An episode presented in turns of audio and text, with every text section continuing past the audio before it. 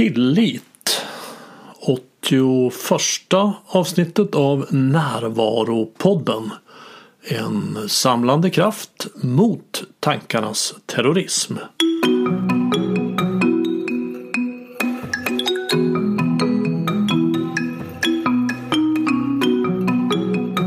Det här är Bengt Renander. Det som framför allt drar bort vår närvaro är rädsla.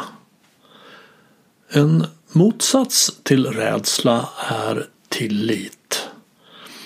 Och därför blir tillit så viktigt för oss som vill vara närvarande och som vill stödja andra i att bli mer närvarande.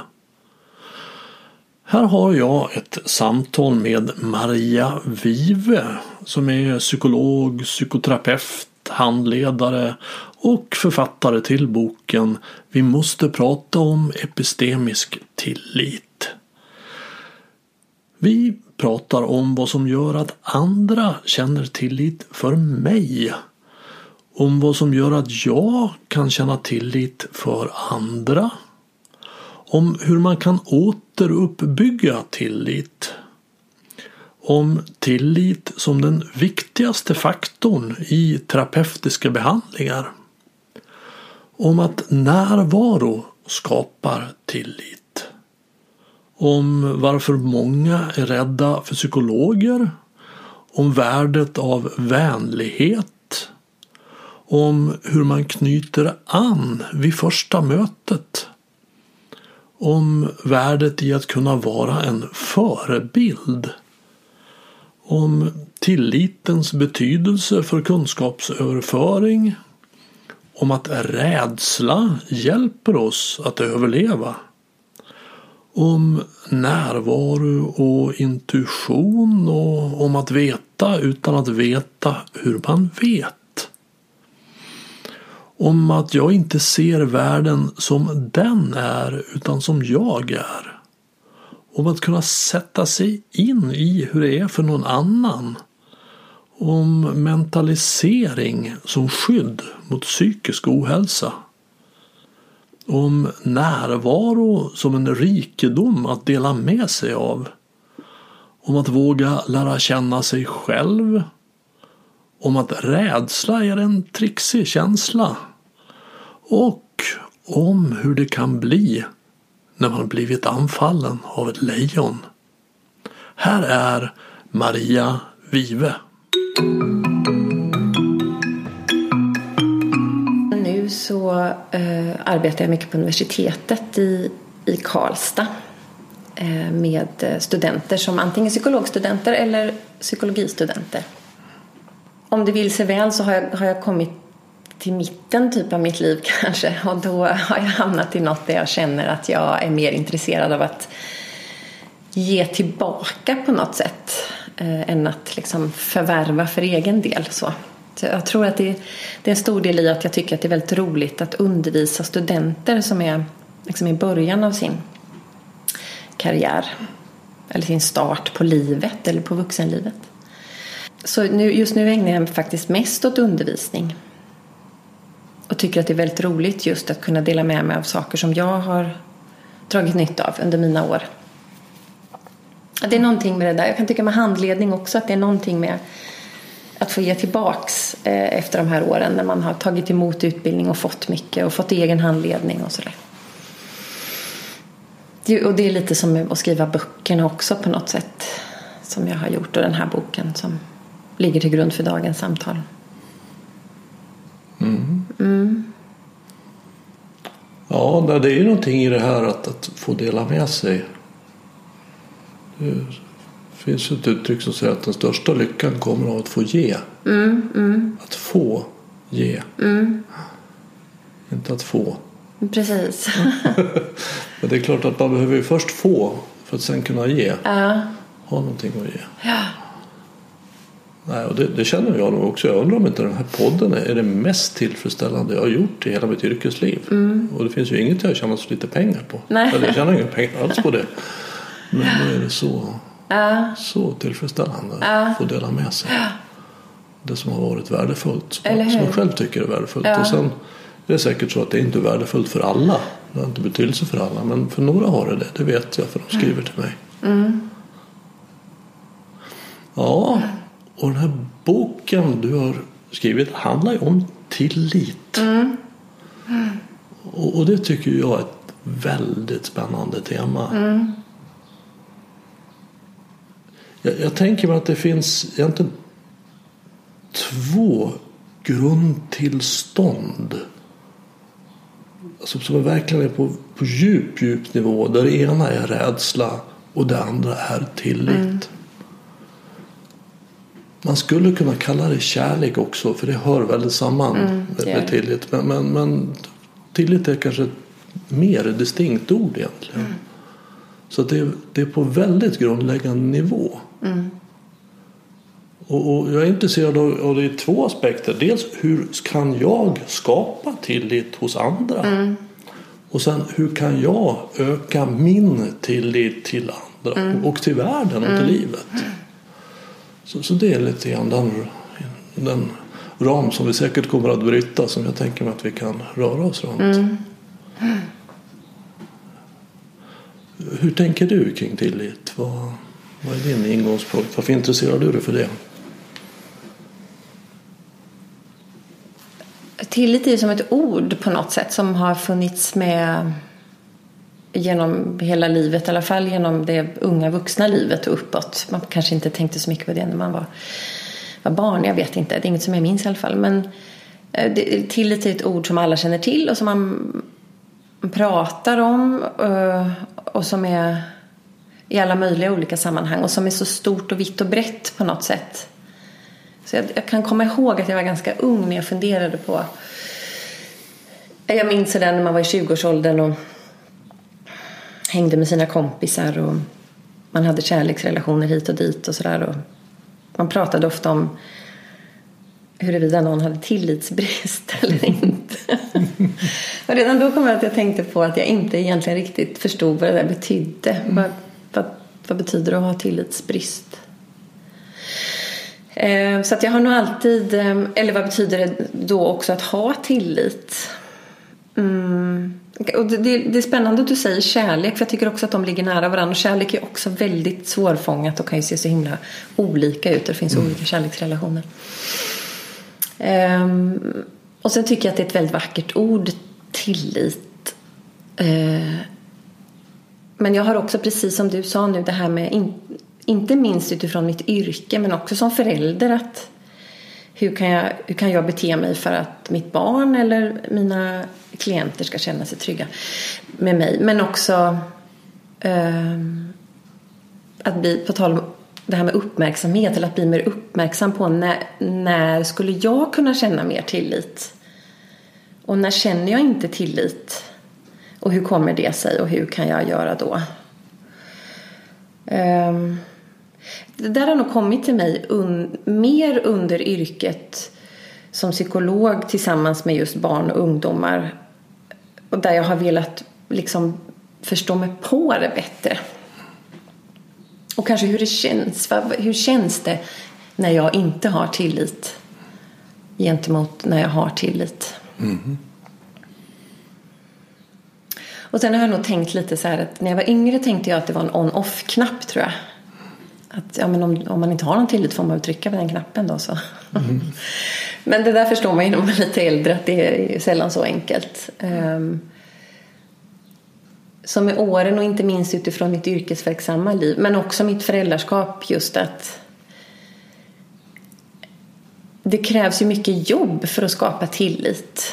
Och hur, hur kan man liksom få ordning på det på något sätt? Ja, det, det är ett ganska stort fält. Ja, Ska vi börja i änden hur man skapar tillit? För vi har ju båda, båda jobbar vi professionellt med andra människor. Så, och jag tänker mig precis som du att, att det, är, det är inte ett digitalt läge att antingen har man det eller inte. Utan att det finns en, en ganska lång och glidande skala där skräck, mm, precis. ångest, rädsla är ute i ena handen och, och trygghet, total trygghet är i andra änden. Och Och sen har vi väldigt lång, må- många, många olika steg på det där.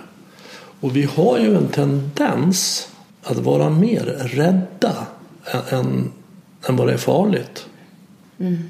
Eftersom vi kan gå upp i tankevärlden och skrämma oss själva. Så jag skulle tro att, att för många av oss är nog mer rädda, alltså har mindre tillit än vad vi faktiskt skulle kunna ha. Och jag tänker att en tillitsskapande åtgärd som är väldigt viktig det är att ord och handling överensstämmer. Alltså att, att jag, det jag säger också blir handling. Så jag har sagt att jag, jag finns här klockan tre för dig på torsdag och att jag också gör det. Precis. Så att jag inte dyker upp här kvart över tre och säger oj förlåt. Eller att jag berättar att jag ska skicka ett mejl till dig eller vad det nu än är. I alla sammanhang. Ja, det där är jätteviktigt tänker jag med att det hänger ihop. Eller att vi hänger ihop och när vi inte hänger ihop. Om man, in, om man då är där kvart över tre istället för tre. Att, att då, då ska det vara en riktig ursäkt om tilliten ska kunna repareras. Inte bara åh sorry, jag missade en tunnelbana. Utan då ska det förmedlas så att man förstår att ens eget beteende har påverkat den andra. Tänker jag. Ja, jag har ju en favoritformulering när man har gjort fel. För att återuppbygga tilliten igen. Och och det är just det, inte, inte komma och säga förlåt eller egentligen be om ursäkt. Jag ska inte komma och be någon. Först gör jag fel, sen ska jag be dig om någonting. Ja. Utan, utan jag säger så här att, att när jag kom en kvart för sent nu, det var fel av mig. Ja. Så, så du som tycker att det här var fel, du har rätt. ja, men den är bra. Ja. Den är bra. Och sen att jag är ledsen för det. Ja. Att det här berör mig också känslomässigt och personligt. Och sen, sen kan man då erbjuda, så att jag har gett dig rätt, det är första gåvan. Sen kan man också erbjuda en bonusgåva där man kan fråga, kan jag gottgöra dig på något sätt? Alltså finns det någonting jag kan göra för att ställa det här till rätta? Att ställa tilliten till rätta. Så att vi kan komma tillbaka till där vi var innan jag kom den här kvarten för sent. Och då kan den här personen säga att ja, du kan gå ner på 7-Eleven och köpa varsitt wienerbröd.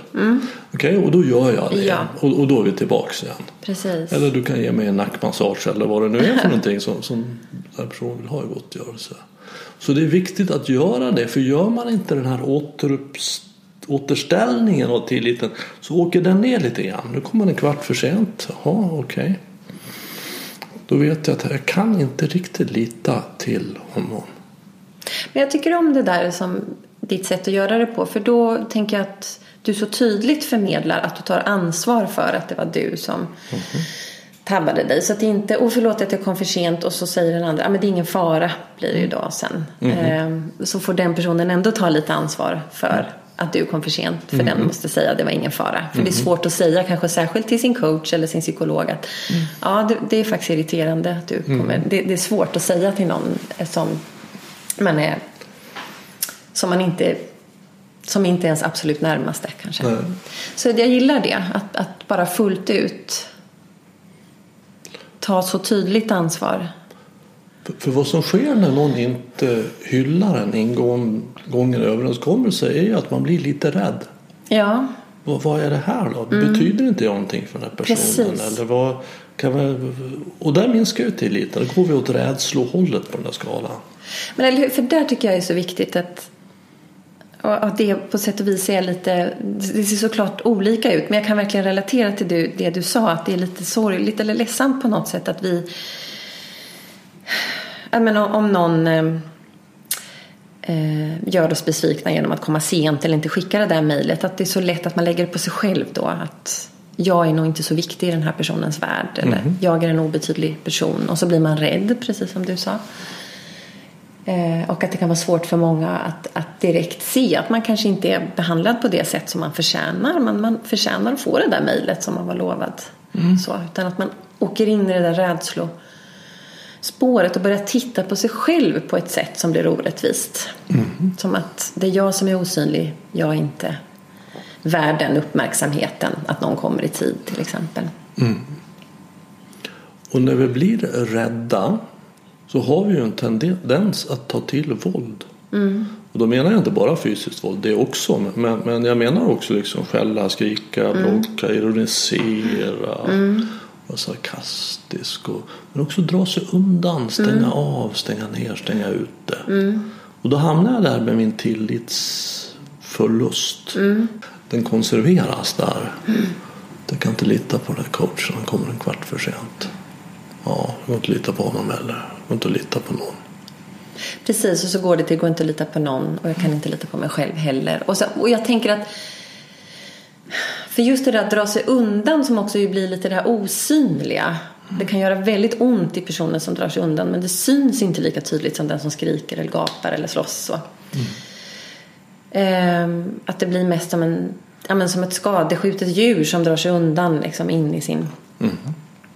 lya för att slicka sina sår i ensamhet på något sätt. Och ehm, att, eh, att, att jag, jag tror, det vet jag ju inte men jag menar, om man går till mig själv och sen ja, så tänker jag att, att man kanske inte tänker då nu är min tillit skadad. Nu är det tillitsbrist. Nej, det, det tror inte jag Eller tänker du så Bengt? Nej, jag tror inte man tänker så. Nej. Man känner sig besviken. Och, ja. och rädd, orolig, ledsen, mm. utanför, ensam. Alltså mm. Man kommer in i smärtsamma känslor. Mm. Och du skriver om det i din bok och jag har hört det tidigare att, att, att man har gjort studier som jämför olika behandlingsformer, terapeutiska behandlingsformer. Det finns ju massor av olika. Ja. Var det 1250 stycken? Som ja, det är ungefär något sånt. Ja. ja och, och, berätta, vad, vad är det man, man ser? Alltså ska det hända någonting, ska det till en förändring som är ju det som vi som arbetar med terapi vill. Det är ju därför vi arbetar med det. Att det som vi pratar om i terapirummet sen förs över till världen utanför så att det blir en skillnad i våra klienters liv. Och då, då, då måste det finnas en form av vad kan man säga, samarbetsbro mellan den som kommer och söker hjälp och den som ska ge hjälp. Så att den, den hjälparen då är, är en trovärdig person som, som man kan lyssna på. Att man mm. förstår att den har något att komma med.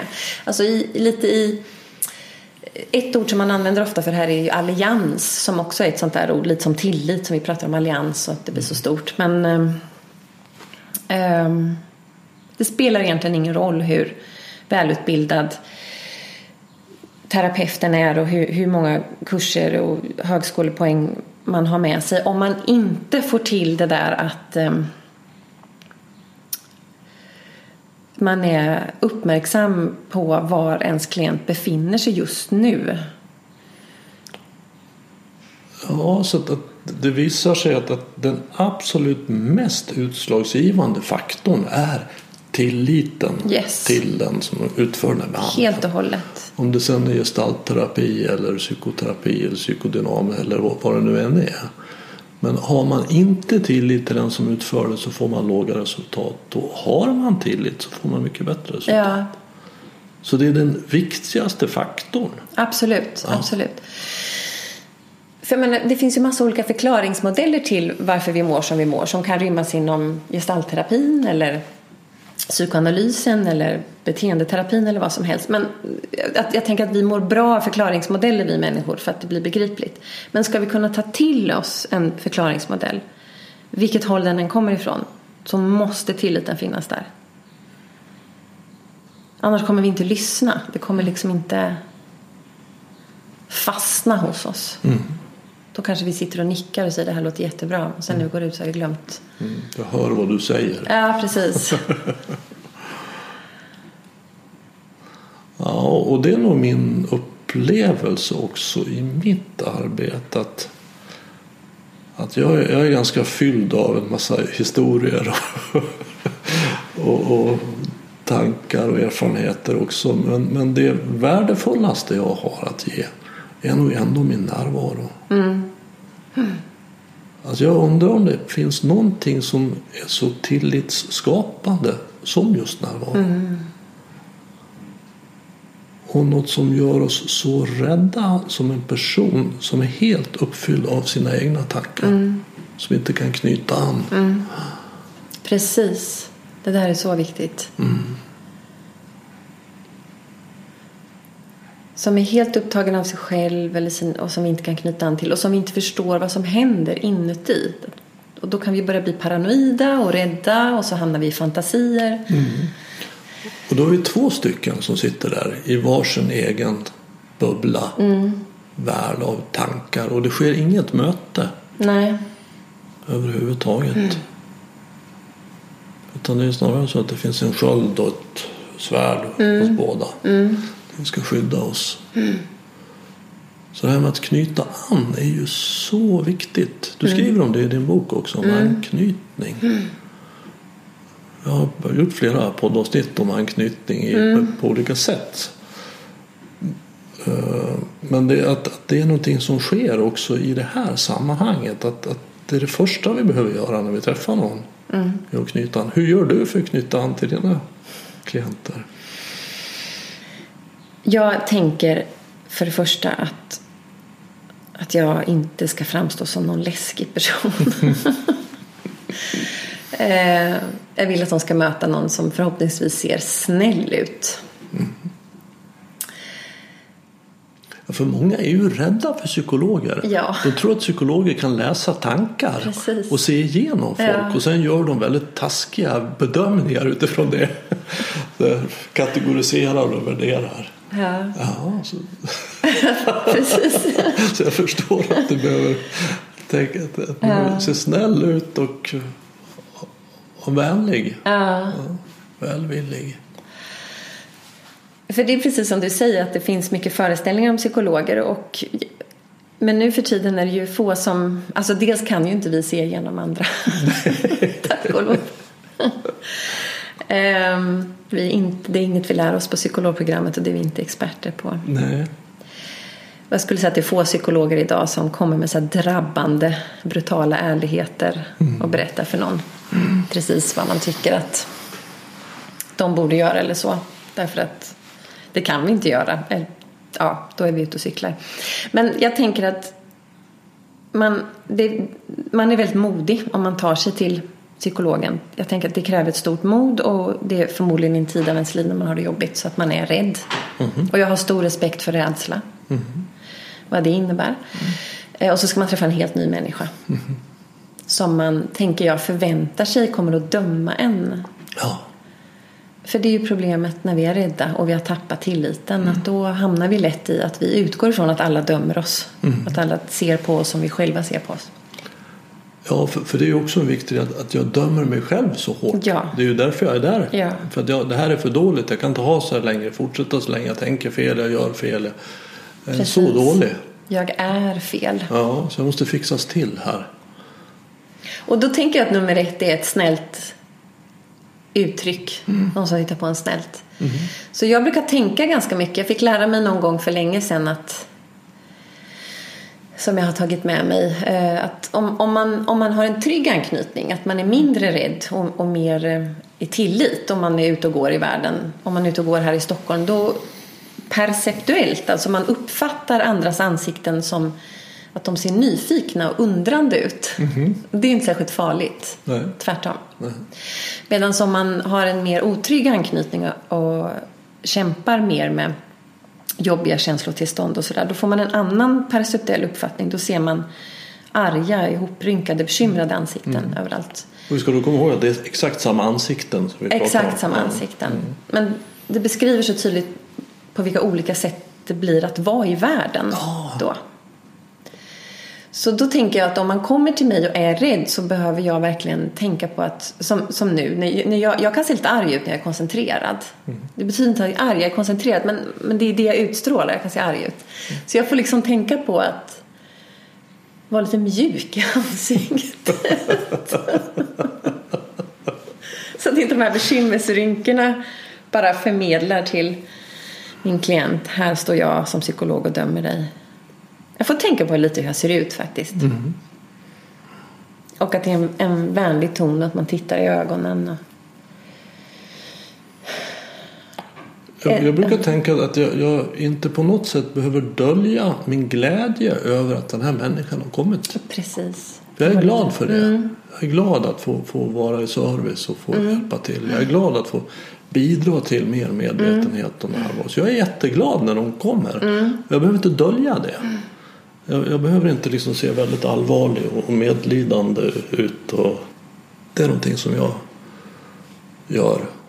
Den tror jag är jätteviktig. Jag har med mig från många år sedan när jag gick bredvid. Det var en, en psykiater som pratade engelska. Eh, och det här var i ett annat land. Och han tog alltid de här barnen som kom till honom som var i 9-10 års åldern. Han tog dem i hand med båda händerna. Och så tittade han dem djupt i ögonen och så sa han It's an honor. It's an honor to meet you. Och det var så fint. Man såg hur barnen bara, för det första så rann den där rädslan av och så blev de liksom stolta på något sätt. Här trodde de att de skulle komma till någon doktor som ska bedöma dem och säga att det är fel på dem och så står det en, en människa där och är liksom ärad över att få träffa den här personen. Det, var, det blev som ett skifte känslomässigt i rummet som var jättefint att se. Så att jag, jag är helt med dig i att visa glädje och ehm, att ge uttryck för det. Det är så roligt. Det är så fint att äntligen få träffa dig. Och en annan sak. Jag, det är inte så att jag tänker på det här så jag tror inte heller att du tänker att nu ska jag se snäll ut. måste jag se snäll ut, måste jag se snäll ut för då, vad blir ser man ansiktsuttryck av det? Men, men att, att liksom kunna slappna av in, att, in i det. Men är också att, att, att känna in, var är den här människan nu? Istället för att jag ska ta henne eller honom till mig, där jag är nu. Och så, vad är är han på för plats? För somliga kommer in här och de säger ingenting. Och det är helt okej. Okay. Varsågod sitt. Och jag brukar fråga om de vill ha kaffe eller te eller någonting. Så är de tysta, så är vi tysta här. För fem minuter medan jag fixar kaffet här. Och andra kommer in och de börjar prata liksom inte mer över tröskeln så börjar de prata. Och, och prata liksom. Okej. Och sen vad de frågar efter och som du när du kom in där så var du intresserad av arkitektur. Så pratade vi lite grann om det. För det var vad du ville. Och det är ett sätt för oss att connecta. Ja, jätteviktigt. Jätteviktigt. Inte stelt. Inte den där stela Nej. terapeuten som är knäpptyst. Nej. Nej, det där, för det där är ju något socialt connectande i. Att bjuda in till det. Vare sig det som du säger om någon faktiskt vill vara tyst. Att det är där de är, att de orkar inte med småprat. Eller att det är någon som verkligen vill utforska det de ser omkring sig. Eller vad som har hänt på vägen hit. Eller. För jag tänker ju med att, att vi, vi ska ut på en resa tillsammans. Jag och den här människan. Och den här resan måste börja där hon är. Så att jag behöver ta mig dit först. Och det kan ta ett tag för dig att hitta dit. Eh, Men det är där vi börjar. Det är inte så att hon ska till mig. Nej. Där jag är. Det är en helt, det är två lite olika mindset. Det är det. Och där tror jag vi går bet en hel del. Ehm, Där tror jag att vi som människor kanske har någon form av akilleshäl. Ehm, Som inte betyder att någon gör det för att man är dum eller för att vi skulle, det skulle vara något fel på oss. Utan för att man kan vara stressad och frustrerad och ångestfylld och bara vill att någon ska hoppa på tåget eller ändra sig eller må bättre. Så att vi vill dra dem till vårat läge. Men då är vi fel ute tänker jag. Och sen tänker jag också att något som är intimt kopplat till närvaro är ju lyssnande. Att det skapar tillit också. Och att inte bara då, som du sa, höra vad du säger utan att, att jag förändras av det du säger. Att det händer någonting i mig. Och Du märker det, att jag har, ett, jag har en plats i mig som jag kan öppna för dig. Som är föränderlig beroende på vad som du säger. För personer som inte lyssnar är svåra att känna tillit till. För hur ska de veta vad jag har och längtar efter och rädd för och vill? Och... Nej, vi lyssnar inte på dem. Och det, det är ju där evolutionen kommer in. Det finns en biologisk mekanism som gör att vi är på våran vakt då. Vi lyssnar på dem som precis som du sa precis, det här med som hittar oss där vi är. Som är intresserade av var vi kommer ifrån emotionellt just nu eller vart vi är just nu. Någon som på, ver- verkligen är intresserad av vad, vad pågår här. Det betyder inte att man måste veta exakt. Utan att man får knöla runt med det ett tag. Ehm, då, då lyssnar vi. När någon har oss i åtanke. Och jag tänker att det är ju på sätt och vis en rikedom. Att själv kunna stilla sitt inre chatter och drama och rädslor. För det finns ju i alla. Men det kan stilla det. Och så kan jag vara här med dig. Det är en rikedom. Som, jag har, som inte alla har. För att många är ju där. Den, förmodligen den som sitter mitt emot mig är där i sitt drama. Så att, och, och det är också tillitsskapande. Att, att den här personen, man har kommit, man har hittat till någon plats som faktiskt är eftersträvansvärd ändå. Att, för jag, jag tror nog att, att det finns en viktig drag av förebild i det här arbetet som vi har. Att man tittar på den här personen framför sig och man tänker att jag vill inte vara där den här människan är.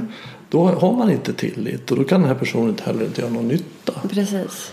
Men om man, man ser en person som är närvarande och kan lyssna och finnas där så känner man ja, jag, vill, jag vill komma dit den här personen är. Han eller hon har något som jag också vill ha. Och då har det väckts en lust till utveckling och man har också en typ av förebild framför sig. Precis, och att man vill höra hur den personen tänker och känner och hur den personen reagerar på en själv. Alltså att det får en tyngd. Just det. Vad tänker du om det här? Eller hur skulle du ha gjort? Eller vad tänker du när jag säger si? Och att det faktiskt... Ja, men som att man nästan kan hungra efter att få någon annans reaktion på, som man litar på. Har jag överreagerat eller verkar det här rimligt? Så är det en människa som man sitter med då som har en i åtanke, är uppmärksam, för det ordet är så otroligt viktigt i det här, och närvarande så är sannolikheten så oerhört mycket större att vi kommer att lyssna och att det kommer att liksom stanna i oss. Jag tänker på det här jag tänker att någonstans vet alla vi människor det här. Um, ibland hör man ju någon som kanske bara till vardags säger sådär att ja, en kompis till mig har det jättejobbigt i sitt liv just nu. Och så ringde hon och bad om råd.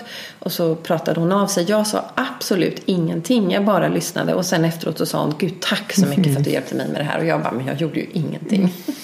den hör man ju ändå ganska ofta. Och den tänker jag är precis det där att utan att vi har tänkt på det så har den här personen då varit i det där genuina lyssnandet av att jag är på riktigt intresserad av vad min kompis brottas med nu. Och jag följer hennes känslomässiga skiftningar i det. Jag är uppmärksam på vad som händer i henne och jag, på något sätt så förmedlar jag säkert väldigt mycket icke-verbalt att jag har dig på något sätt. För att jag är intresserad och uppmärksam på dig och då behöver jag inte säga så mycket. Och sen tycker personen, men tack, vad skulle jag göra utan dig? Ja, jag vet precis vad du menar. Jag håller med om det också. Och som du är inne på också i, i boken och som du pratar om här så fyller ju det här en otroligt viktig evolutionär funktion.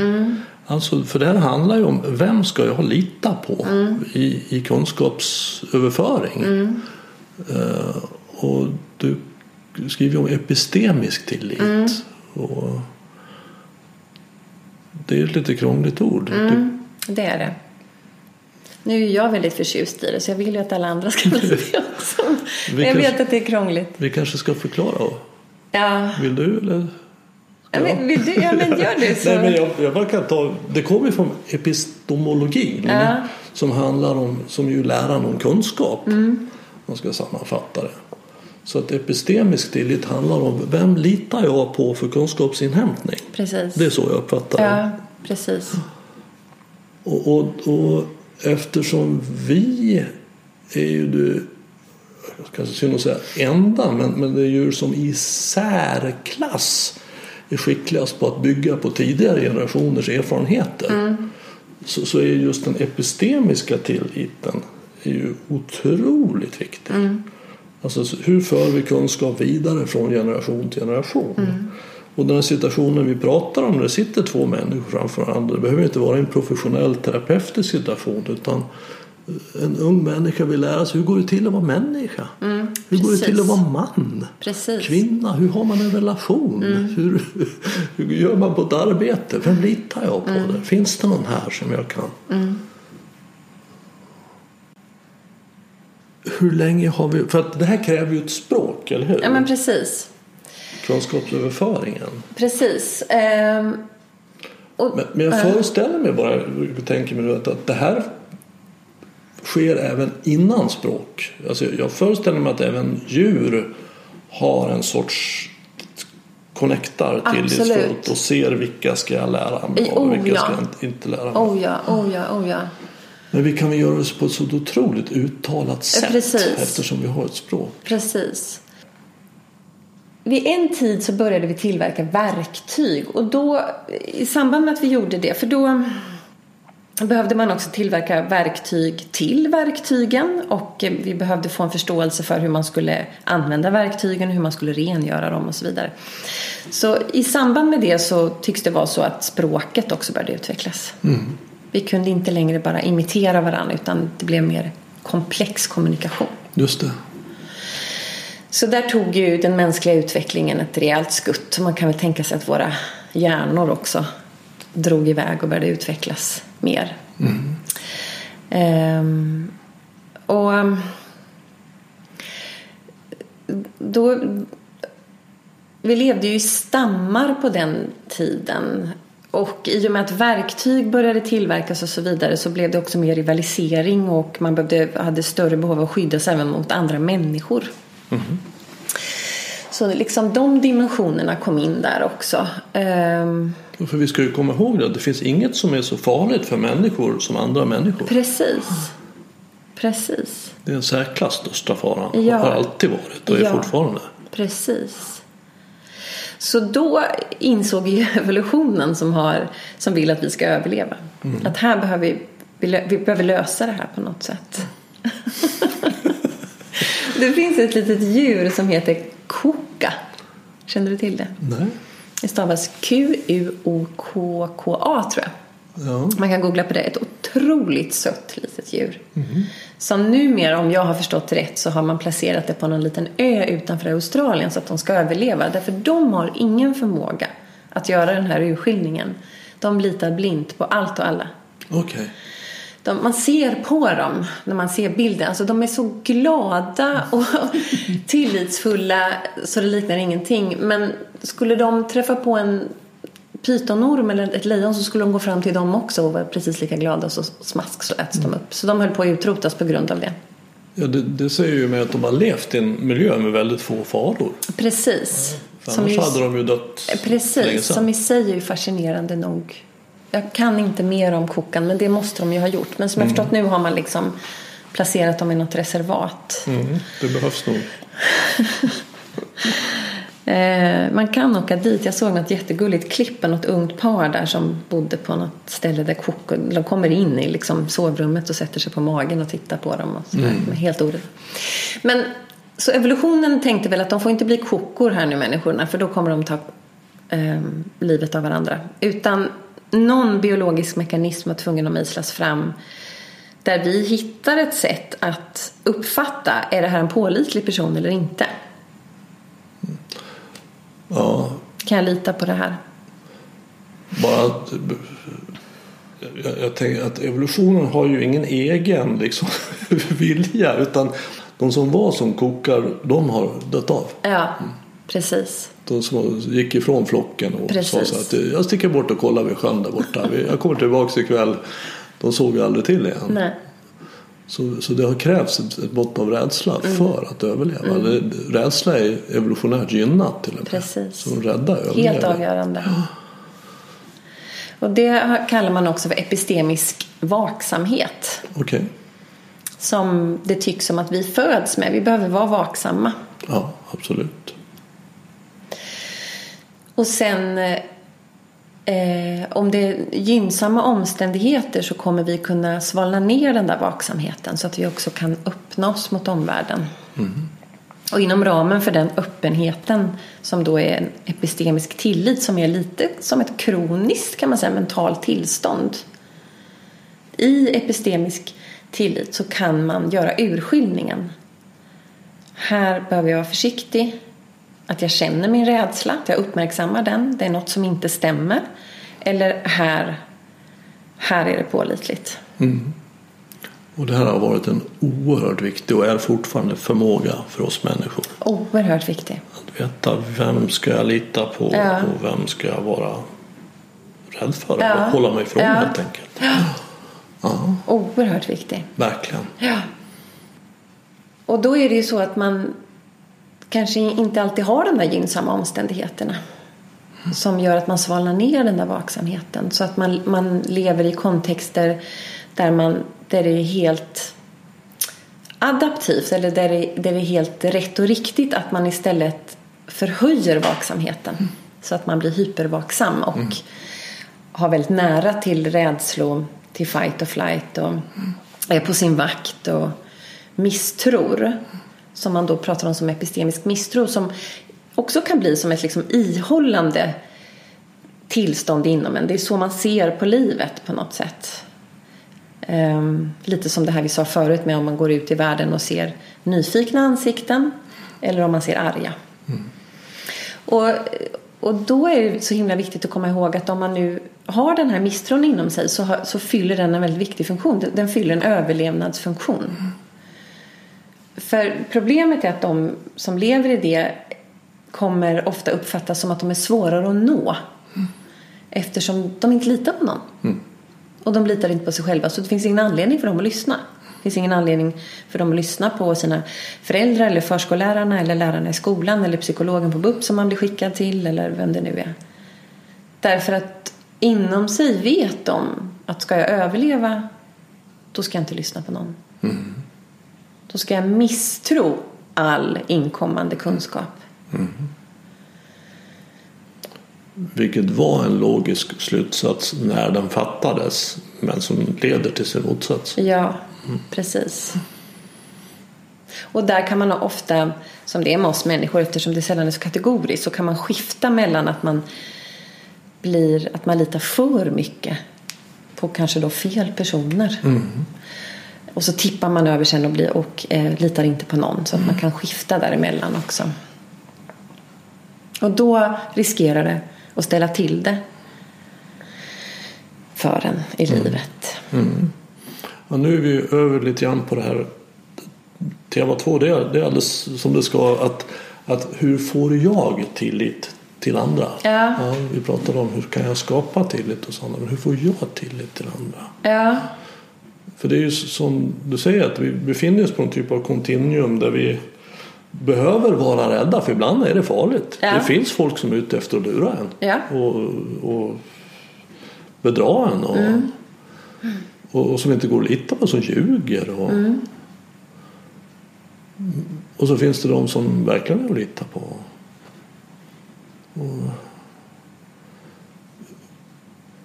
Och jag tänker att egentligen att nyckeln är samma grund, också närvaro. Och där skulle jag föra in ett begrepp som är intuition. Som är också kanske svårdefinierat men, men jag, jag tänker mig att intuition är att veta utan att veta hur man vet.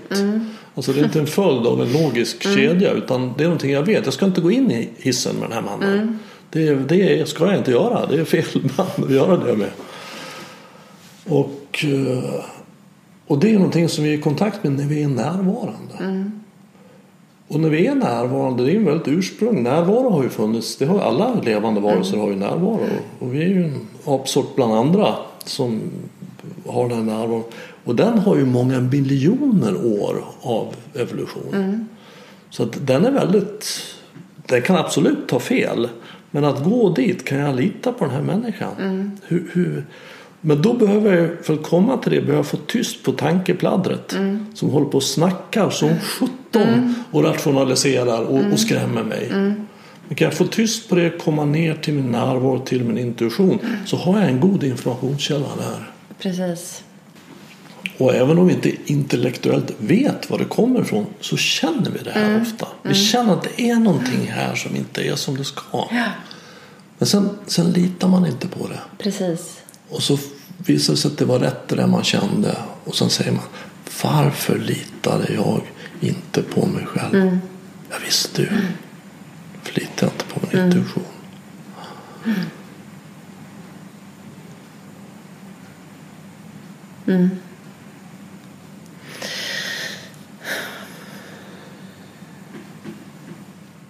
Och d- då kan man säga, där, där kan man säga att man i den stunden har brustit i sin epistemiska tillit. För där ingår också att hämta kunskap från sig själv. Att lita på sig själv. Att vara stadig i att jag kan ju inte veta någonting om den här mannen i hissen men, men min magkänsla signalerar så tydligt att det är något som inte stämmer och då litar jag på det. Så det är som att vi hämtar in tilliten från andra som behandlar oss på ett särskilt sätt så att vi kan lita på vår omgivning och sen som man då skulle säga i psykologiska termer internaliserar vi det. Vi tar in det i oss själva så att vi litar också på oss själva. Och det är oerhört mycket lättare att leva tänker jag om man också kan lita på sig själv. Verkligen. Och att då jag gör som jag själv vill. Alltså att jag, jag känner att det... Ibland berätta om en, en vän till mig. Och hon berättade att när hon gick upp för kyrkgången och skulle gifta sig så kom det en intuitiv tanke till henne om att, att det här är fel man. Jag gifte mig med fel man. Och det visade sig, det var sant. Fyra år senare så skilde de sig. Så att det var... Men det är ju svårt alltså. Oh ja, oh ja, jag har all respekt för sådana situationer. Det är svårt. Det är, inte, det är ju återigen, det är inte så att antingen har man det eller inte. Utan det är också, alltså vi människor är ju väldigt föränderliga och flexibla och det är ett helt liv som ska hanteras. Så ibland kanske vi är mer tillitsfulla till oss själva och andra i vissa kontexter jämfört med and, andra kontexter. Och jag tänker i en sån situation, vi ska också komma ihåg att vi tror jag till mans är ganska duktiga på att trycka bort eh, en del känslomässig information. F- För att det blir för mycket att deala med. Det, är liksom, det går blixtsnabbt tänker jag att bara trycka bort det om det är någonting som kommer att ställa till det i relationer till exempel. Eller bli obekvämt. Som om hon hade stannat upp där i på altargången och bara Nej, vänta nu Dag. Min magkänsla säger att det här är fel. Vi får ställa in bröllopet. Det blir ju Det går liksom Nej, inte. det går inte. Ehm.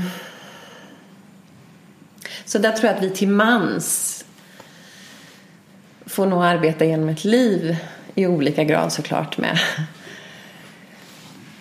Och inte trycka bort de där signalerna som kommer inifrån. Och och en komplikation också för min förmåga till tillit är ju just den att rädsla är evolutionärt gynnat. Så att mina gener de bryr sig inte mycket om jag är lycklig. Nej, precis. Om jag går på Drottninggatan och ser glada ansikten eller arga ansikten, det struntar de i. De säger överlev. Så att eh, håll reda på allt hemskt som har hänt. Glöm inte bort det. Räkna ut allt hemskt som ska hända. Och se en potentiell mördare i alla. Då, då, då överlever du.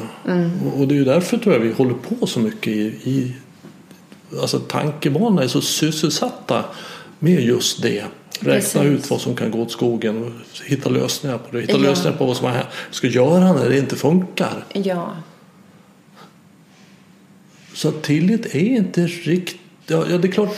Men sen är, det är jag så rädd, är jag så långt ut på skalan av rädsla så blir det inte förtjänstfullt heller. nej, Då, då, då dör man av, av rädslan. Och då behöver vi få in mer tillit. Men det är väldigt mycket härligare att få leva i tillit. Det är väldigt mycket härligare att gå och se glada nyfikna ansikten. Och säga att jag tror på alla tills de har bevisat motsatsen.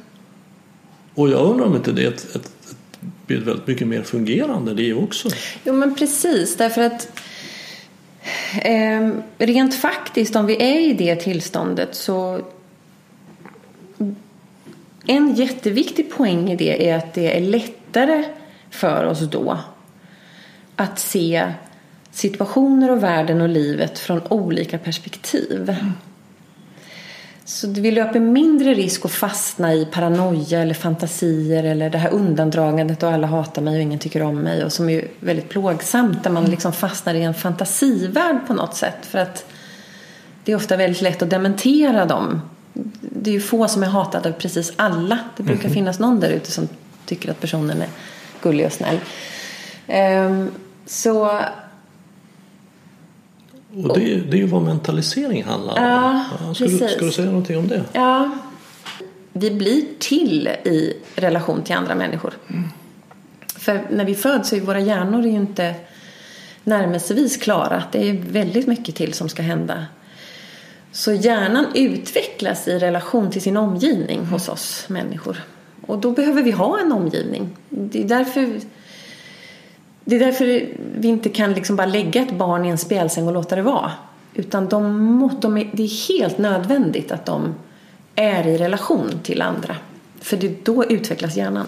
Ja, och, och lär sig hur man är som människa. Och lär sig hur man är som människa. Och, det, och jag, jag, vet inte, de flesta av oss har väl träffat små barn. Men det kan ju vara länge sedan man har gjort det. Men jag, bara, jag, har, jag har med mig min systers dotter Siri och min syster hit. Och Siri är tio månader. Och eh, slår mig vilket sug de har efter att de vill dela. Eh, att de vill vara i relation och eh, att de liksom vill vara i kontakt med en. Ja, det är ju eh, överlevnad. Helt och hållet. För att även om du inte intellektuellt vet det så vet de du i sitt, i sitt genom att om jag inte är i relation till de här så dör jag. Ja, jag klarar precis. mig inte själv. Jag, jag, behöver vara i kontakt här. Precis. Och jag behöver också lära mig vad det innebär att vara människa. Precis. Mm. För, för just det här att vara i kontakt. För det, det är inte bara det här att de, de måste ge mig mat och värme och om, eh, liksom fysisk omsorg. Utan det är den här mentala kontakten. Mm. Man måste vara i någon annans mentala värld. Man måste finnas där. Mm. Så att om jag och min syster skulle stänga ner och koppla ur eller bli dissociativa om man säger, försvinna bort så skulle, även om vi skulle sätta på henne en blöja och ge henne mat så skulle hon vara förtvivlad. Mm.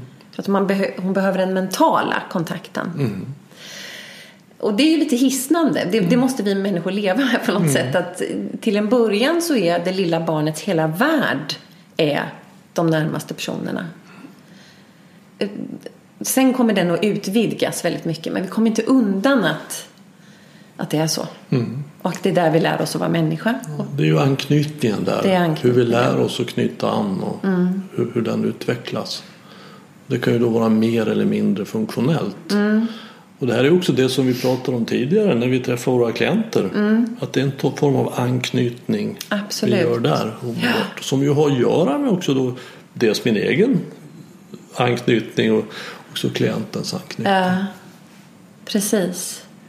Och, och mentalisering handlar ju också om förmågan, precis som du säger här, förmågan att att se hur det är för andra. Precis. Alltså, så att, första ledet kan man kanske säga att, att jag tycker jättemycket om lammkotletter. Mm. Och då kan jag föreställa mig att du gör det också.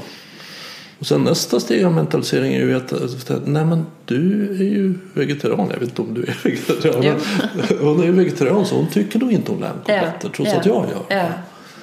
Och, då får man ju en rikare värld. Ja. kan flytta sig runt i olika positioner. Precis och se, inse att jag ser inte världen som den Precis. är. Jag ser världen som jag Precis. är. Det finns många sätt att se på den här ja. världen. Så kan jag föreställa mig hur det blir för andra. Ja. Det är ju väldigt intressant. Det är jätteintressant. Mm. För det, det visat sig idag också att ju mer vi kan fantisera om, föreställa oss hur en annan persons världsbild ser ut, desto mer skyddade är vi mot psykisk ohälsa. Mm. Så pass mentala är vi människor. Så att ju mer jag kan förstå och fantisera kring hur den här personen ser på den här situationen jämfört med mig, desto mer skyddad är jag. Ja, det förstår jag verkligen. Ja. För jag, jag skulle säga att, att den viktigaste faktorn för att utvecklas det är ju förmågan till att desidentifiera sig med sitt ego, alltså sin tankevärld. Precis. Och kunna inta en bevittnande position. Ja. Där min personlighet är en bland många. Ja. För från den här bevittnande positionen kan jag se på din personlighet. Ja. Ungefär som min. Ja. Fast det är som är olika där och, och lika där. Och det är ju väldigt friskt. Väldigt friskt. Ja. Och en tydlig skyddsfaktor. Verkligen. Tydlig. Det, det förstår jag. Genomgående. Har du gjort studier på det? Ja, ja, absolut. Så det är så tydligt. För, för det är ju det här det blir så smärtsamt att om man inte har tillgång till det så fastnar man mer som i en annan form av fantasi. Att världen ser ut så som jag ser på den och om inte andra ser på den på det sättet då är det någonting som är fel och då blir det jobbigt för mig och då kanske det betyder att de inte tycker om mig eller att de missförstår mig och de här relationerna funkar inte och man drar sig undan eller man agerar ut och så vidare och då blir det trubbel. Mm. Och det är också en, för det, det blir som en bubbla kan man säga. ehm, som ofta är känslomässigt väldigt smärtsam. Där det blir jättesvårt att kliva ur och få vara med i det här av att vi kan se på det här på helt olika sätt därför att vi alla är så olika och det finns inget hotfullt i det, tvärtom. Men det blir helt olika sätt att gå ut i livet och vara öppen för alla dessa olika medvetanden som finns där ute och som uppfattar saker och ting på olika sätt som man kan ta ett intresse i. Mot att gå ut och, och det väcker en massa smärtsamma känslor. För att det står i bjärt kontrast till det som jag upplever inuti mig. Vi föds med ett frö till den potentialen kan man säga. Och sen så utvecklas det. Det är en del av vår utvecklingspsykologi som människor. Den här förmågan att förstå att jag har saker och ting som händer inuti mig. Och då- är det uppmärksamheten igen som är jätteviktig. Att uppmärksamma att någonting händer. Att jag kanske blev lite ledsen plötsligt. Och vad kan det handla om? Nu när jag pratar med någon här och så funderar jag kring vad, hur, vad pågår för den personen. Så att jag blir på något sätt lika intresserad av vad som händer i den andra. Och här var det ju också så att om vi ska prata evolutionärt sett så eftersom vi så stor del av tiden på jorden ändå har levt i sådana här jägar-samlarsamhällen vi var små stammar där man tillsammans levde arbetade, samarbetade för att överleva så var det ett mycket mer kollektivt tänk. Man var liksom beroende av det som man på engelska pratar om det som we-mode, alltså en vi. Det var som en eh, om man säger social kognition är samma sak som mentalisering, alltså det här att tänka och känna kring sig själv och någon annan. Och förstå att när någon beter sig på ett visst sätt så springer det ur att den personen känner någonting. Det är känslor som ligger under. Men från början, det tycks vara så att vi är konstruerade för att det här ska vara något gemensamt som vi tittar på tillsammans. Eh, till exempel så när barnen växte upp i en stam så hade de tillgång till väldigt många olika personer som de kunde ta del av och, och lära sig av och så vidare. Eh, så att det var liksom i, idag lever, vi i ett väldigt, lever vi i ett väldigt individualistiskt samhälle.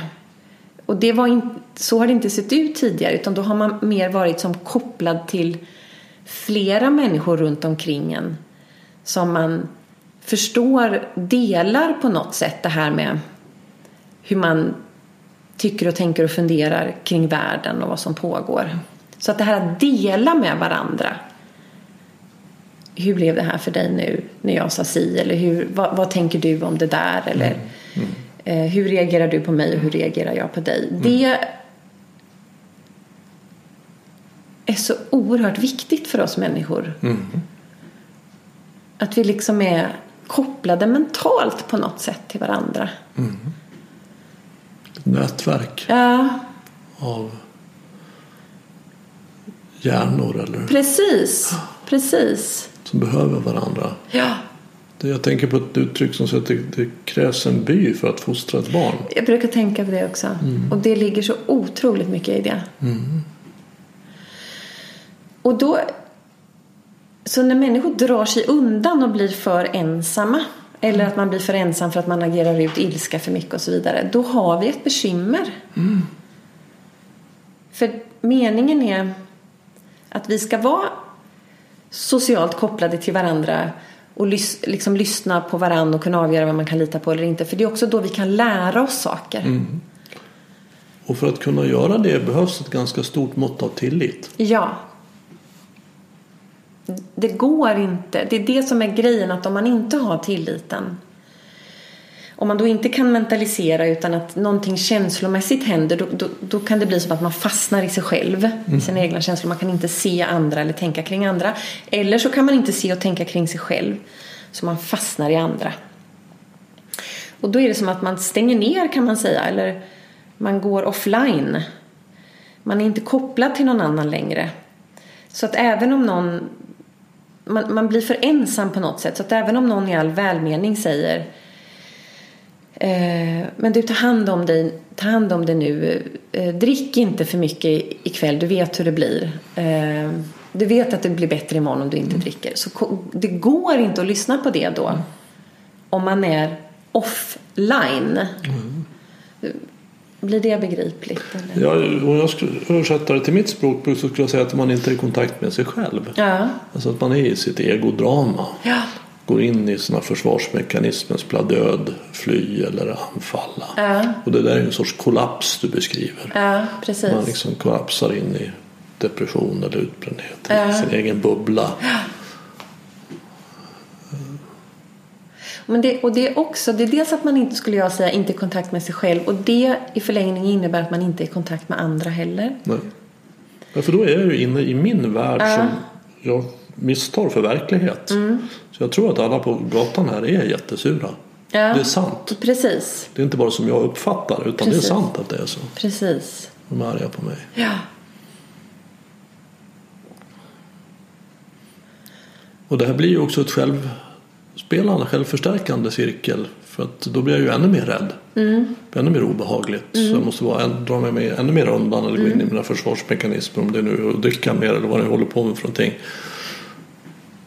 Så det blir en självförstärkande mm. värld, mardrömsvärld, mm. tankevärld.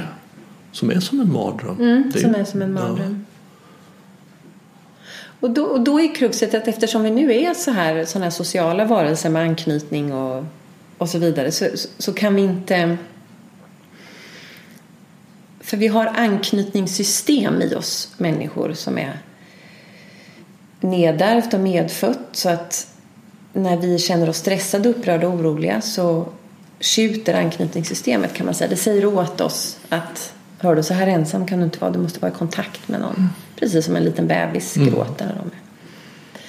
Så när man spinner in i den där onda cirkeln av, i, sin, i sin egen, man är för innesluten i sig själv och att det blir den här mardrömmen som du pratar om. Då kommer förr eller senare så kommer anknytningssystemet signalera att det här går inte. Nu måste du vara i kontakt med andra. Mm. Och då är ju problemet att då blir man driven till att ta kontakt med andra. Men eftersom man är så innesluten i sig själv och sin egen mardrömslika värld så kommer man förmodligen att göra det på ett sätt som blir obegripligt för andra. Man kanske inte går ut och säger Hörru Bengt, jag behöver din hjälp för nu har jag varit innesluten i min egen mardrömslika värld. Kan du ge mig en kram eller kan du klappa mig på kinden? Mm. Så. Utan man kanske gapar och skriker eller ja. man beter sig på något sätt som blir svårt för omgivningen att ta mm. emot. Men när det egentligen bara handlar om att jag måste ha kontakt. Ja. Och där är ju sårbarhet nyckeln. Ja. Att jag kommer ut via min sårbarhet. Ja. Så att nu har det blivit för mycket. Jag är för rädd. Jag har hållit på här. Kan du krama mig? Ja men precis. Ja. Men vad vi istället gör är att vi tar till våld. Ja. Mm. Istället för så. Det är mm. de två alternativen. Mm. Det finns säkert fler men, men det är två väldigt vanliga alternativ. Precis och då blir problemet det är det här den epistemiska tilliten hos oss som behandlare blir så viktig. För att om det blir våld till exempel eller mm. aggressivt eller obegripligt då, då det är mycket svårare att bemöta en, person som är i det såklart. Verkligen. Um, och vi kanske är oss rädda eller frustrerade eller upprörda eller besvikna eller allt möjligt. Men det är den stunden som vi behöver påminna oss om att den epistemiska tilliten har brutit samman av någon anledning. Så vi måste hitta den här personen precis där de är. Mm. För att kunna skapa den epistemiska tilliten så att de kan sen börja lyssna på oss. Mm. Så att vi i förlängningen kanske kan säga du nästa gång du hamnar i din mardrömsvärld slå, kasta inte massa glas i golvet och skrik, skrik mm. åt din man utan kan vi hitta något annat sätt att göra? Mm. Mm. För om man då har byggt epistemisk tillit så kommer det gå att lyssna på det. Och lära om. För det är ju ändå det vi människor håller på med väldigt mycket här på jorden. Det är att lära oss och lära om och lära oss. Och då, då är det just det där att, att vi som behandlare eller medmänniskor eller föräldrar eller partners eller vad det nu är. Att man försöker att ställa sig i den andra skor. Det är alltid nummer ett i att bygga epistemisk tillit. Att förmedla att jag försöker att se världen så som du ser på den nu. Just det, jag tar mig runt Ja, där som vi pratade om i inledningen också. ja. Så att man inte bara dömer beteendet. Nej. Även om det är klart man inte får hålla på med våld. Det är ju en sak. Men att man försöker att se på det ur den personens blick. Och, och det underlättar om inte ens om det till och med kräver att jag har den här rikedomen vi pratade om. Mm. Att jag inte är identifierad med mitt ego även om det går igång. För det gör det om någon är våldsam, skriker och håller Mm. Såklart. på. Så går det, jag kan ändå ha kvar i en plats som är närvarande. Det är en rikedom. Mm. Ja, det är det. För det, det triggar ju. Jag läste om dina exempel där i boken på, på jag tänkte undrar hur jag hade reagerat. Och om jag haft något, något barn eller ungdom som hade betett sig sådär. Ja. Ja. Men det som du säger Bengt, för jag tänker att det, det, det och särskilt i nära relationer, för i de här anknytningsrelationerna, där, där drar våra känslor iväg. Så det, det kräver oerhört mycket av oss att, att vara lugna i en sån situation. Men låt säga att man blir arg eller panikslagen eller rädd då om, om någon i ens närhet beter sig så. Men om man då har en liten, liten, liten glimt inom sig av den där närvaron. Alltså, eller i, som någon nyfikenhet kring Alltså jag blir skogstokig när du beter dig så här men hjälp mig att förstå varför, jag fattar inte. Om det bara finns en, något litet uns. Av en bevittnande del. Ja, Jag ska se att jag blir skogstokig. Ja. För att när jag är skogstokig då vet jag inte om att jag är skogstokig. Nej. Jag är bara skogstokig. Finns det ingen som vet det. precis. Jag tänker hur man kan bygga tillit. För, för, för jag skulle nog säga rent generellt så är min bild att, att vi är mer rädda än vad det finns anledning till. Och, och en sak som vi är väldigt rädda för som faktiskt inte är så farligt det är känslor. Att inse att det är inte farligt att känna. Det är inte farligt att känna sig ledsen eller utanför eller osexig eller vad det nu man känner sig. Däremot det vi gör för att slippa känna det kan många gånger vara väldigt farligt. Så att kunna tillåta sig att vad känner jag nu? Skogstokig, okej. Hur känns det? Ja, det bubblar och brinner här. Det känns som tryck här, vad det nu är. Det ökar ju också tilliten. Eftersom, ja. För allt som minskar rädsla ökar tillit. Då åker ju automatik ut på skalan. Alltså det här är ju ett av mina hjärteämnen i livet. För jag är så nyfiken på hur kunde det bli så? Att vi är, för jag, det är min upplevelse också att vi överlag är väldigt rädda för känslor, vi människor. Ehm, och nu vet vi att vi föds med basaffekterna på plats. Vi, När vi kommer ut, det är inte bara de här tårna och fingrarna som ska vara på plats i bebisen utan det finns också. Vi kan ju känna jättemycket redan från början. Och att det är som du säger, det, det känns egentligen som Ja, men om man bara kunde sluta vara rädd för sina känslor så skulle livet nog bli betydligt mer hanterbart. Verkligen. För väldigt många. Att det inte är farligt att känna. Men, men, och att komma ihåg att, att rädsla är evolutionärt gynnat och, och rädslan tar alltid till en väldigt bred marginal. En alldeles onödigt bred marginal. Alltså om vi på steppen då för 10 000 år sedan i vårt jägarsamlarsamhälle och man var ute och, och gick och letade stenar eller vad man gjorde. Så gick man förbi ett eukalyptusträd och bakom trädet hoppade fram ett lejon. Så, pah, och anfaller den och håller på att äta upp en. Men som genom ett under så klarar jag mig. Det är kanske någon som kommer att rädda mig. Så jag klarar mig men det tar flera månader av återhämtning när jag läks. Då, då är det ju mänskligt att säga så att jag, jag kommer inte gå till det eukalyptusträdet igen. För bakom det är det ju ett lejon. Ja. Förmodligen är ju lejonet borta. Men okej, det är ju inte så handikappande. Så att, att, jag, att jag undviker det trädet, okej. Men vad vi gör är också att, att ta till att Eukalyptusträd? Hmm. Nej, det, jag, det är lejon bakom dem. Väldigt, väldigt ofta.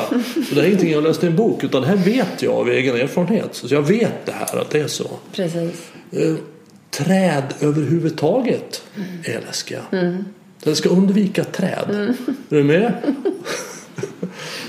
Det gömmer sig allt möjligt bakom träd, det vet man ju. Ja, verkligen. Och jag har varit med om det. Jag höll på att dö. Så kom inte att argumentera med mig om det här. Nej, det är svårt att göra då. Ja. Ja. Och så här håller vi på. Ja. Du vet män, hur de är. Ja, Och, ja, ja. Oh, ja. och kvinnor Ja. och, och poliser. Och, alltså vi drar alldeles, alldeles för långtgående slutsatser av, av enstaka händelser i rädsla. Och att då gå mer till sitt förnuft.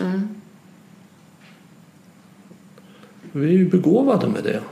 Förnuft. Och vi behöver använda oss av det. Ja, istället för känslorna. Precis, för, för känslor är ju bedrägliga. Mycket. Det här är ett exempel på hur bedrägliga de är. Rädslan. Och det är ju generna som ligger där bakom. Så att det är nog bra att undvika alla träd. Undvik så mycket som möjligt.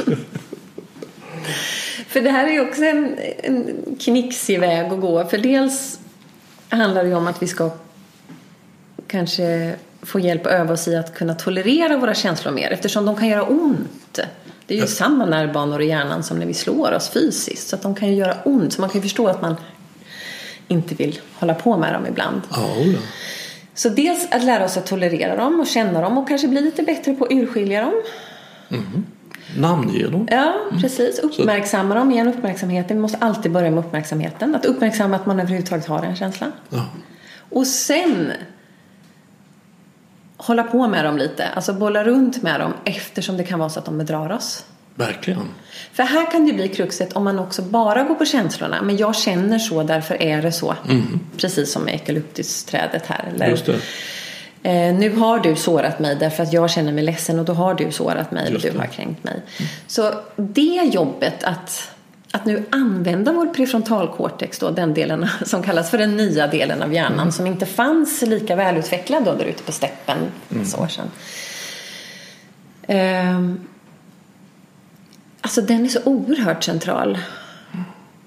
Att få igång det där förnuftet. Det, det är ju inte samma sak som att dissa alla känslor men att liksom kasta lite ljus på dem eller så här.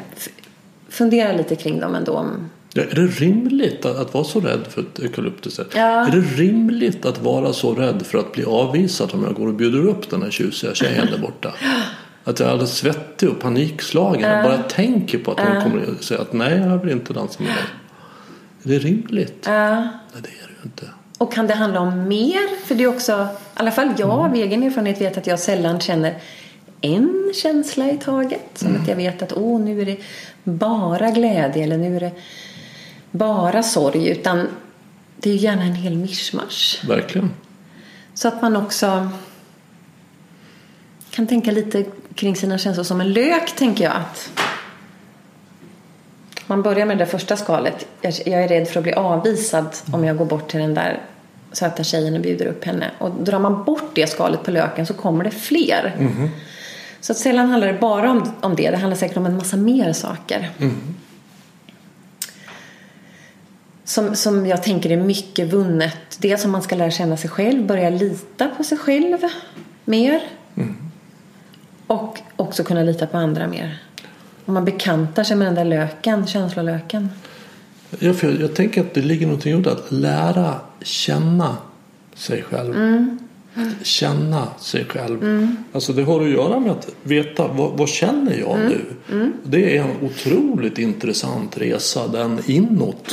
Och upptäcka det inre landskapet av, av hundratals olika känslor som har olika namn. Och veta hur de känns. Och sen så kunna avgöra, ska den här känslan bestämma vad jag ska göra nu? Ska det vara den bestämmande faktorn för mig? Eller ska mitt förnuft göra det? Och jag menar, det här är ju en ständig pågående komplex process. För det är klart att, att ibland eh, så när man står vid hissen där med den där mannen som man känner, ska jag gå in? Nej, jag ska inte göra det. Men vadå? Det är ju, för han är, har ju kläder på sig och kniv i handen. Eller, Så, så det, är, det är ju en, en sorts balans. Mm. Vad veta då? När ska jag lita på förnuftet? När ska jag lita på mm, känslan? Mm. Men rent generellt så är ju rädsla så stark. Mm. Så den har en jädra förmåga att bli den bestämmande faktorn. Ja, verkligen. Det är som att den slår ut allt ja, annat. Just det. Och den slår ut det som vi kallar som prefrontalkortex eller frontalloberna. Och då är problem, den tar liksom över, det blir bara känslosystemet som funkar i hjärnan. Så det, det blir, kräver oerhört mycket av oss för att vara förnuftiga då. Mm. Och dessutom signalerar ju rädslan, du ska enbart tänka på dig själv nu. Mm. Du ska inte hålla på att ta någon annans perspektiv eller känna mm. empati med andra för det kan vara mm. livsfarligt. Just så du ska bara rädda livet på dig själv. Tänk bara på dig själv nu. Och, då, och det säger sig självt att då blir det jätte, jättesvårt att fungera i en värld full av relationer om man har väldigt nära till rädslan. Där man blir instängd som i en bubbla av tänk bara på dig själv, rädda dig själv. Ta inte de andras perspektiv. Mm. Och då, för då kommer man att uppfattas som en omöjlig person eller kanske till och med en oempatisk person som aldrig kan ta något från en, se något från någon annans håll eller svår att nå och så vidare. Så rädslan är trixig. Verkligen. Och om, om man då lever i den här epistemiska misstron eh, då har man ofta varit med om tuffa saker i livet som kanske har gjort att man till och med har en lite lägre tröskel. Det måste inte vara så, det blir inte så för alla, det är alltid viktigt i det här. Men det kan vara så att man ibland har en lite lägre tröskel för att just den där rädslan ska köra igång. Mm. Och stänga ner det här mer förnuftsmässiga mm. systemet.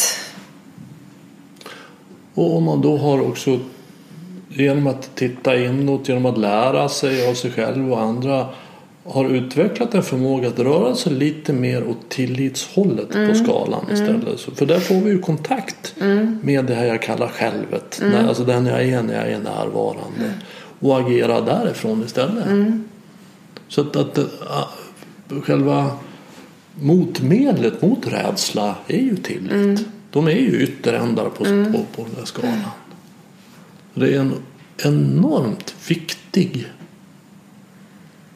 känsla. Ja, otroligt viktig. Och, och här är det så viktigt tycker jag. För då för det är väl där vi går bet ibland, att vi kan se någon som är rädd och så tänker man här, här borde det finnas mer tillit. Om det bara var mer tillit, om han ändå kunde lita på mig mer.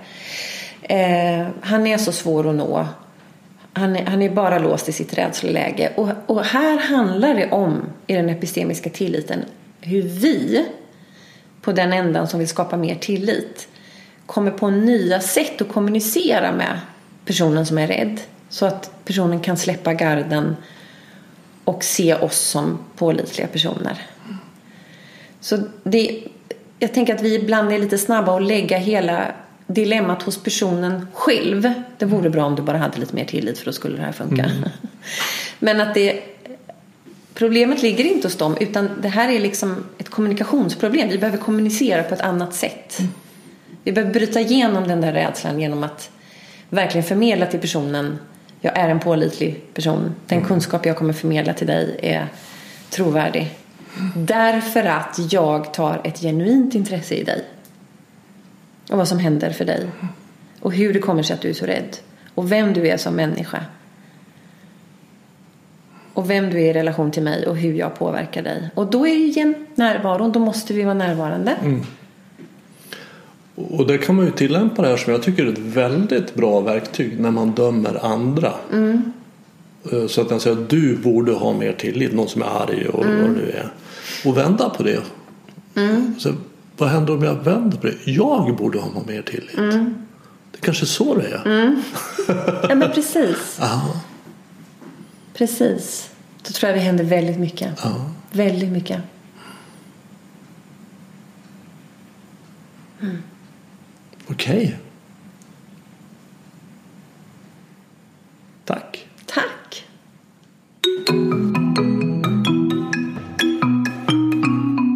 Om du vill veta mer om Marias arbete, komma i kontakt med henne eller köpa hennes bok Vi måste prata om epistemisk tillit så finns en länk till hennes hemsida i anslutning till det här avsnittet på min hemsida renander.nu.